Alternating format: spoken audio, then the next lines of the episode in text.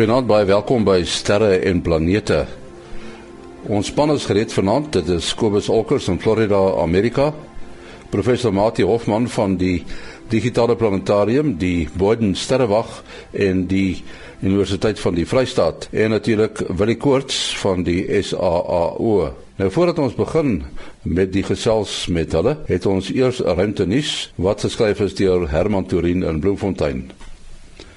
Na aanvanklike kommer dat die China maantuig Chang'e 3 se beweging op die maan die metings van die Amerikaanse wentelende Ladie-tuig negatief kan beïnvloed, is daar nou groter opgewondenheid. Die tuig het in 'n gebied geland waar die Amerikaners en Russe nog nie was nie en het ook instrumentasie aan boord wat nuwe data kan ontgin. Boonop kan die robottuig se beweging laat die help om afwykings te meet en intussen beleef die tuig nou die maan se nag wat byna 2 weke lank duur en waar tydens temperature tot byna -70°C daal. 'n Warmtebron binne die tuig moet die instrumente teen die koue beskerm. Westerse wetenskaplikes is volmoed dat die Chinese wetenskaplikes hulle bevindinge met die wêreld sal deel. Wetenskaplikes maak daarop aanspraak dat hulle 'n nuwe klas ster ontdek het wat vinnig genoeg deur die Melkweg beweeg om uit die galaksie te ontsnap. Voorheen is sulke sterre nader aan die sentrum van die Melkweg ontdek en is verklaar deurdat die swarte krag kolk in die middel een ster van 'n dubbelster kombinasie insuig en die maat dan teen 'n hoë spoed wegslinger. Die nuwe klas is egter te ver van die middel en beweeg in lukrake rigtings en kan nie so verklaar word nie. Een vermoede is dat hulle in naburige galaksies kan kom. Hierdie sterre, selfs al sou dit blyk dat hulle nie teen die ontsnapspoed trek nie, kan gebruik word om die teenwoordigheid van donker materie te meet. Intussen meen wetenskaplikes wat data van NASA se Chandra X-straal teleskoop en ander teleskope gebruik het, dat hulle dalk die eerste keer gesien het hoe 'n massiewe swart gat in 'n klein galaksie 'n ster ingesluk het. Die ongewone ekstra bron is in 1999 ontdek en het geleidelik afgeneem tot dit in 2005 verdwyn het. Dit is so wat 800 miljoen ligjaar van die aarde af. Tot sover ruimte nuus wat geskryf is deur Herman Torin in Bloemfontein. Nou onthou as jy wil hê dat ons u vra moet opneem en dan in die program plaas, moet jy asseblief met my in verbinding tree by maas.henny@gmail.com maas.henny@gmail.com. Verstrek u vraag dan en ook u telefoonnommer sodat ek u kan skakel. En vanaand het ons uh, ons span hier, uh, eintlik 'n volledige span, uh, professor Mati Hofman van die Digitale Planetarium, die uh, Boden Sterrewag aan die Universiteit van die Vrystaat. Uh, Willie Koorts van die SAAO en dan uh, vir Kobus Olkers ons sonkyker. Uh, Kobus is vanaand deel van die span om te gesels oor alles wat gebeur. Uh, ons gaan gewoonlik so 'n bietjie begin uh, met met Kobus. Kobus, uh, die omwenteling van die son se pole, dis nou nog aan die gang, maar mense skrik daarvoor. Hoekom? Ek weet nie hoekom hulle skrik daarvoor nie. Dis miskien omdat ek nie duidelik genoeg sê dis dis nie 'n probleem nie. Dit is iets wat al die afgelope 5.5 miljard jaar aan die gang is. Elke 22 jaar hou die son sy pole om. En ehm um, as hy nou nog nie 'n probleem veroorsaak het nie, kan ek nie waar nie sien dat hy dit in die afsienbare toekoms gaan doen nie. Maar wat is baie interessant, alhoewel dis nie onrusbaar nie, maar is baie interessant. En ehm um, ongelukkig het mense vreeslike lang tyd nodig om al hierdie goed te beskryf. Maar dit kom basies daarop neer dat die die son net soos die aarde uh, sy magneetveld kry van van sy rotasie af. Dit is ehm um, elektries geleidende plasma in die geval van die son en in die geval van die aarde is dit is dit yster wat in die middel van die aarde in die rondte draai en albei het presies dieselfde effek dit werk soos die dinamo op jou fiets. Ehm um, wanneer jy wanneer jy uh, elektriese uh, ladings laat beweeg binne 'n klein magneetveldjie dan dan maak hy 'n stroom en die stroom maak weer 'n groter magneetveld en die magneet groter magneetveld maak weer 'n groter stroom en so aan tot jy 'n lekker groot stroom het wat vloei en jy het 'n massiewe magneetveld. As gevolg van die feit dat dit 'n vloeistof is en nie 'n vaste nie, ruil die pole elke af en toe om as gevolg van vreeslike komplekse uh, uh magnetohidrodinamiese effek In die geval van die aarde pole ook om, dit gebeur so elke uh tussen 65000 en 350000 jaar. En in die geval van die son is dit omdat hy nou 'n baie laer viskositeit het en baie groter is en baie meer stabiel is, is dit 'n baie meer gereelde ehm um, effek en hy gebeur dan so elke 22 jaar. Ek dink die uh, vraag wat die mense nou vra want jy ekstrapoleer mos nou eintlik as die son se pole omruil en nou nie noodwendig die aarde se pole nie, het dit 'n effek op wetvlugtuie?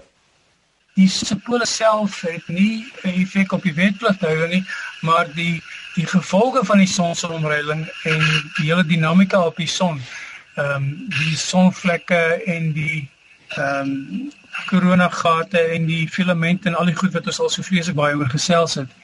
Ehm um, wanneer een van hierdie goed gebeur, dan kom ons kom ons neem nou 'n voorbeeld van sê nou maar 'n groot koronamassa uitbarsting. En dit is 'n magneties komplekse area op die son wat kompleks geraak het omdat die son roteer en dan bars die afwerking uit, hy stuur 'n klomp plasma uh wat waarin daar die magnetiese veld uh vasgevat word, stuur hy in die in die koers van die aarde in die geval van 'n geo-effektiewe ene. Dit kom hier by die aarde se magneetveld aan um, en dit dit stoot die aarde se magneetlyne rond en soos wat dit die aarde se magneetlyne rondstoot dan uh, verander die die rigting van die magneetveld uh, op die aarde die noordpool verander met 'n paar grade of die die rigting van die die die veld wat wys in die rigting van die noordpool.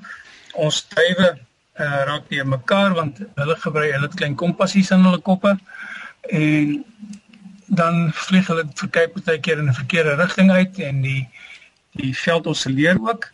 En uh, dan dan het ons 'n uh, groot groot skade wat kan opkom vir vir mense wat weet vlugtuie het uh, in die lug het gedurende hierdie magneetstorm. Nou ons het volgende week uh, later hierdie week eintlik die 25ste is daar 'n massiewe groot wetvlug ehm um, in Suid-Afrika is 'n miljoen dollars of so iets en ons daar by een van die casinos waar dit gebeur. En ehm um, ons sal maar die mense op hoogte van sake hou wat vir die ehm uh, magneetveld aanbetref. Mati, ek het 'n uh, vraag gehad van 'n luisteraar en die vraag lui: uh, Waar kom die minuut en uur indeling vandaan? Wie besluit daar's ure en minute? Uh ja, okay, ons werk met 12 ure uh 24 ure 'n dag. En en dan werk jy met die 60 um, sekondes per minuut, 60 minute uh per uur en dit is anders as wat die metrieke stelsel werk. Die metrieke stelsel het nou maar natuurlik baie later gekom as al die uh al die ander stelsels. En uh ja, dit kom uit baie baie lank terug. Uh, ek sal nou 'n bietjie moet raai uh, en ek nou daai geskiedenis dadelik probeer probeer onthou. Daar's nie 'n baie logiese uh kyk jy die 12 maande per jaar. Ja, ek sal nou 'n bietjie moet gorrel. Uh wil ek kan jy my tot my redding hierso kom? ja, ek ja. Ek nou iets ja. Nee, dit dit is nogal dit is nogal interessant. Ja, soos jy sê, die goed het natuurlik vreeslike lang geskiedenisse en Ja, ek nou dink op die 12 maande uh en die 12 ure het bekakel by die 12 het sy gehad uh wat die getal 12 is. Ehm uh, Ja, die maande, ah, die dis gaan kyk gaan die die die die die, die maan se siklus het natuurlik wat amper op die 12, maar dit werk nie presies saam met die 12 nie. Ehm uh, die maande kan ek kan ek wel onthou, dit was natuurlik aanvanklik net 10 maande gewees en en dit was die uh, Romeinse kalender het net uh, eh, 10 maande gehad en ehm um, uh, toe hulle later die die eintlik die die maand lengtes was verskillende dae en uh, toe hulle nou later die ekstra 2 2 maande bygesit en en dit is ook hoekom byvoorbeeld Oktober want Oktaal is eintlik 8 maar dis die 10de maand en Deka Desember is eintlik die 10de maand gewees oorspronklik wat nou die 12de maand is. En uh, die twee maande is toe aan die einde van die jaar bygesit. Die oorspronklike uh, Romeinse uh, um, jare het, het begin by April en uh toe toe uh dis dis Januarie en Februarie nou bygesit. So dit is ook ehm um, hoekom Februarie dan die skrikkeldag bykry want Februarie Februarie was oorspronklik ja. die einde uit die einde van die jaar. Maar dit is nou net die die die, die maande uh, kalender. Kom Kobus lyk my tot ons redding. Die Babiloniërs het in basis 60 getel. En hulle het hulle het syfers of, of verhoudings so 6 en 12 en 60 en 360 het hulle gesien as ronde getalle, soos wat ons nou 5 en 10 en 100 sien as ronde getalle en 1000 en so aan. Ehm um, en hulle het nou die dit is waar hoekom die die ehm uh, ure en 60 minute vir hulle was dit net 'n baie mooi ronde indeling om dinge in 60 in te deel. Ehm um, so die Babiloniërs het dit gedoen en hulle het ook die die ehm um, die lig het hulle 12 die 12 tekens van die zodiac opgedeel. En ehm um, elke maand van die jaar het mense nou eh uh, maat hier sal beter weet dis dit.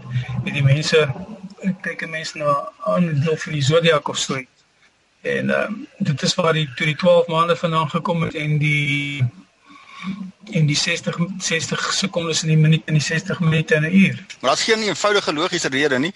Wat nou interessant is die die die ehm die 360 grade uh werk nou lekker saam met die amper 365 dae en die in die grootte van die son en die tipe van goed, maar dis so half toevallighede wat daarmee saamval. Ja, ek dink dit is 'n baie goeie vraag.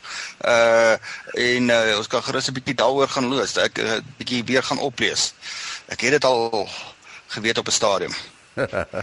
Willie, uh, Jupiter is nou eintlik uh, baie mooi sigbaar.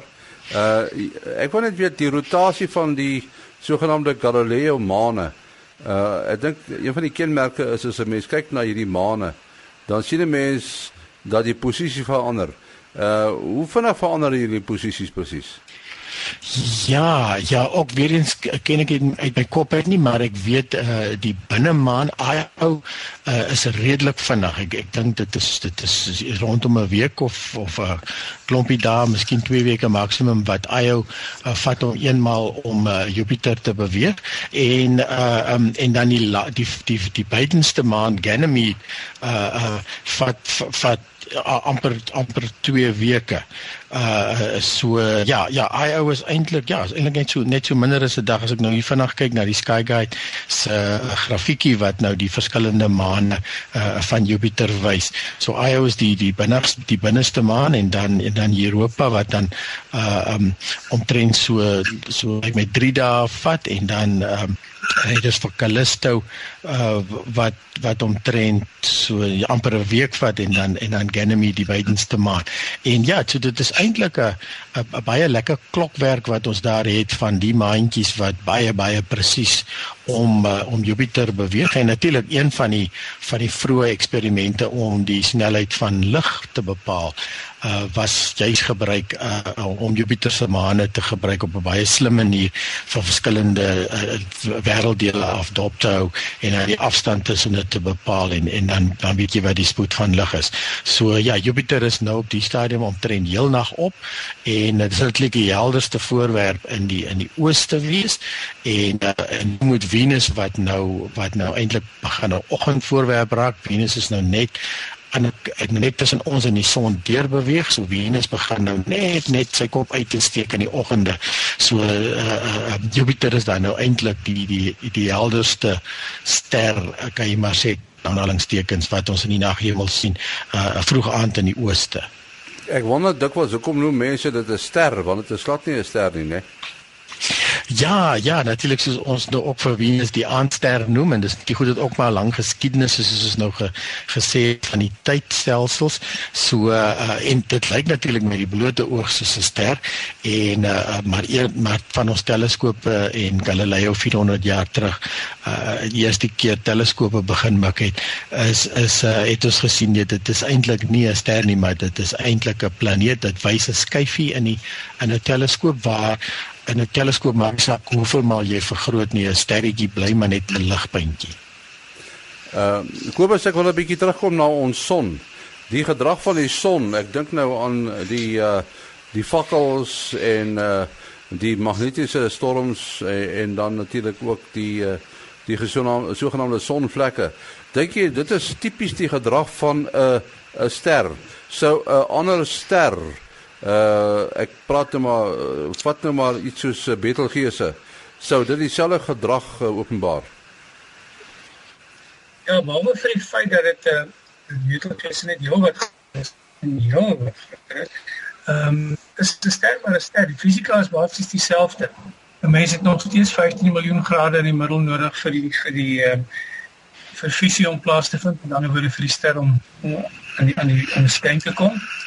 Uh, maar verder begin jy met 'n massiewe groot bal uh, bol uh, waterstof wat uh, by mekaar kom as gevolg van gravi uh, gravitasie wat in 'n ronde bol staan en dan brand hy waterstof vir die eerste gedeeltes van sy van sy uh, lewe en dan later as die waterstof opbrand dan dan brand hy dit na na koolstof toe en dan so gaan hy tot by huis toe kom en dan en dan skiet hy maar in die lug en dis nou die langtermyn storie en in die korttermyn uh is is die fisika ook maar dieselfde en jy het ehm um, dieselfde uh, uh, uh, magnetohidrodinamika wat plaasvind in die plasma. So elkeen van hulle het, het maar hulle beweging. Hy is 'n roterende bal van plasma wat presies dieselfde turbulensies gaan gee wat presies dieselfde tipe van uh jy sal filament kry, jy sal uh magnetiese konsentrasies kry om die waarheid te sê, uh, wil jy outomaties my dalk reg help, maar ek het gehoor dat dat 'n mens selfs dat dat dat dit gees so groot is dat 'n mens uh, van die oppervlakte verskynsels op hom kan waarneem met met uh, groot teleskope. En nie daar want as ons van Betelgeuse praat, wil ek nou nou tereg gesê so van die aarde af met ons uh kon sien maar groot teleskope en amateur teleskope na die sterre kyk, dan kan ons dit nie vergroot nie om die waarheid te sê hoe beter jou teleskope is, hoe kleiner lyk die ster daardeur.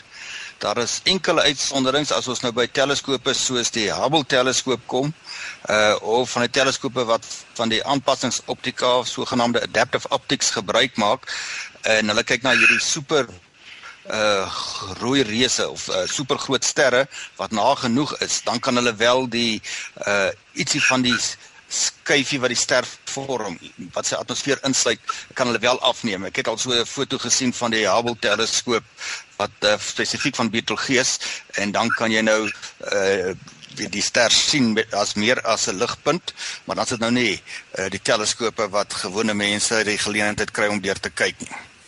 Uh, ja, ek wil ook miskien net byvoeg ja, de uh, um jou jou uh veranderlike sterwaarnemers uh waarvan ons heelwat in Sutherland doen. Uh, uh die ster kan natuurlik verander as hy sy helderheid verander weens 'n klomp redes en en een van die redes is natuurlik gewoonlik is hy goed reëlmatig. So dit is as hy 'n ander sterretjie rondom hom het of 'n ander ster rondom het of natuurlik nou 'n eksoplaneet rondom hom, dan is dit reëlmatig. So dit is dit is nader aan voorspelbaar, maar dan het hulle ook wel uh, opgetel dat wanneer hulle uh um, dan van hierdie sterre sterre baie goed ontleed, dan dan kom hulle agter maar van goed is nie reëlmatig nie, wat beteken dat uh dit is dan as die gevolg van sonvlekke. En en uh dan sal dit glad glad nie herhaalbaar wees nie soos wat ons ook ook op ons eie son sien ek wil gou gou vir Kobus ook net hoor nou die dag uh laasweek was ek nog op verlof en toe nou al môre geluister in die in die middag en sy gesels nogal gereeld met Kobus en die dag toe sy juis gewag vir Kobus om te bel. Toe daar 'n vrou ingebel en eintlik 'n klompie goed uh kwyt geraak wat nou uh, uh, op vreemde webwerwe hulle oorsprong het as ek seker daarvan jy kon luister. Uh wat ook al en, en een van die goedes en en ek het nogal uh um toe vanmôre gevra om om van die goedes vir Kobus te vra wat hy waarop hy natuurlik alles nee geantwoord het dit is nie waar nie. Soos byvoorbeeld hoe by invloed op ons weer die reën wat ons gehad het ensovoorts ensovoorts maar een van die uh goed wat sy ook kwyt geraak het is dat um die uh, komeet Ison son wat nou op die son geval het, uh het, het sal nou hierdie vreeslike goeters veroorsaak en dit is nou wat hierdie korona gat veroorsaak het en so aan. En uh, natuurlik dit is so goed soos as jy 'n klip in die see gooi dan verwag jy dan gaan 'n tsunami plaasvind. Maar ehm um, ja, ek wil net net miskien net by Kobus ook hoor die die, in, die invloed van van soos 'n komeetjie wat op die son val is is natuurlik heeltemal weglaatbaar of of of as ek verkeerd. Ons het nou wel Ja, daar val eintlik nogal vreeslik baie komete in op die son. As 'n mens kyk na die Soho ehm um, uh video's wat wat beskikbaar is op die internet, dan sien mense baie gereeld in in hierdie wye hoek ehm uh, teleskoop daar komete inval op die son. En ons het nou al waargeneem wat wat so inkom en nie een van hulle het nog ooit uh, ek het op 'n stadium self nogal daarna gekyk. Ehm um, wat ek dan wanneer die komeet nou inval dan kyk ek na die na die detail beeld van die van die son waar 'n mens nou kan inzoom tot op tot op graniele grootte. Dit is met ander woorde areas so groot soos sê nou maar Gauteng. Ehm um, en nog nooit kon ek enige enige verskil waarneem in of die uitstraling van die son of met ander woorde die die die agtergrond ekstrale of ultraviolet vlakke of magnetiese vlakke wat hoegenaamd enige enige toename nie en ek kon dit ook nie eers in in ehm um, op so baie klein vlak raak sien nie. Ehm um, die son is 'n massiewe groot ding. Hy's omtrent so 1,4 miljoen kilometer in in deursnit. Ehm um, en ek kan nie sien, wel, kom kom ek sê dit so, ek het dit al persoonlik nagevors uh soos ek gesê het ons het uh, as ons na die sou satelliet kyk uh dan kan ons hierdie sien wanneer hierdie komete inval. En ek het al ingezoom op die uh op die son self met die met die met die groter teleskope wat ons het uh die SDO teleskoop en so aan waar mense baie klein areas op die son kan waarneem. En ons het nog nog reg gekry om enige effek op die oppervlakte van die son te sien of op die uitstralings uh van ekstra ultraviolet of magnetiese uh, velde of enige so iets waar ek met enige verskil gemaak het uh hoegenaamd in die in die son nie. Ja, en nie, ek, ek kan dalk byvoeg as mense nou uh oor die ruimte en die voorwerpe daar buite dink dan uh, doen ons dit in uh, terme van of ons is geneig om te doen dit die skaal waarop ons dinge op die aarde ervaar wat is heeltemal onvoldoende. Uh Kobus het nou verwys na die deursnee van die son wat ongeveer 100 maal die deursnee van die aarde is, maar in terme van volume is die volume van die son ongeveer 'n miljoen keer die volume van die aarde. Nou om nou bietjie in praktiese terme uit te druk, die aarde is uh, 150 miljoen kilometer van die son af wat in terme van die ruimte relatief naby is, maar in terme van ons afstande is dit steeds geweldig ver. En ten spyte van daardie afstand kry ons in elke uur vanaf die son genoeg energie by die aarde om alle mensgemaakte toestelle op die planeet uh vir 'n hele jaar aan te dryf. Dit is nou net in in 'n uur en dis op 'n afstand van 150 miljoen kilometer. Nou kan mens dink uh hoe groot is die energie uitset van die uh van die van die son. En ons kan maar net droom daaroor om hierdie uh geweldige aanbod van energie wat ons van die son kry uh meer effektief uh te kan benut. Uh, dis nou so 'n bietjie uit die sterrekinde uit, maar die energie kom nou uit die sterrekinde uit.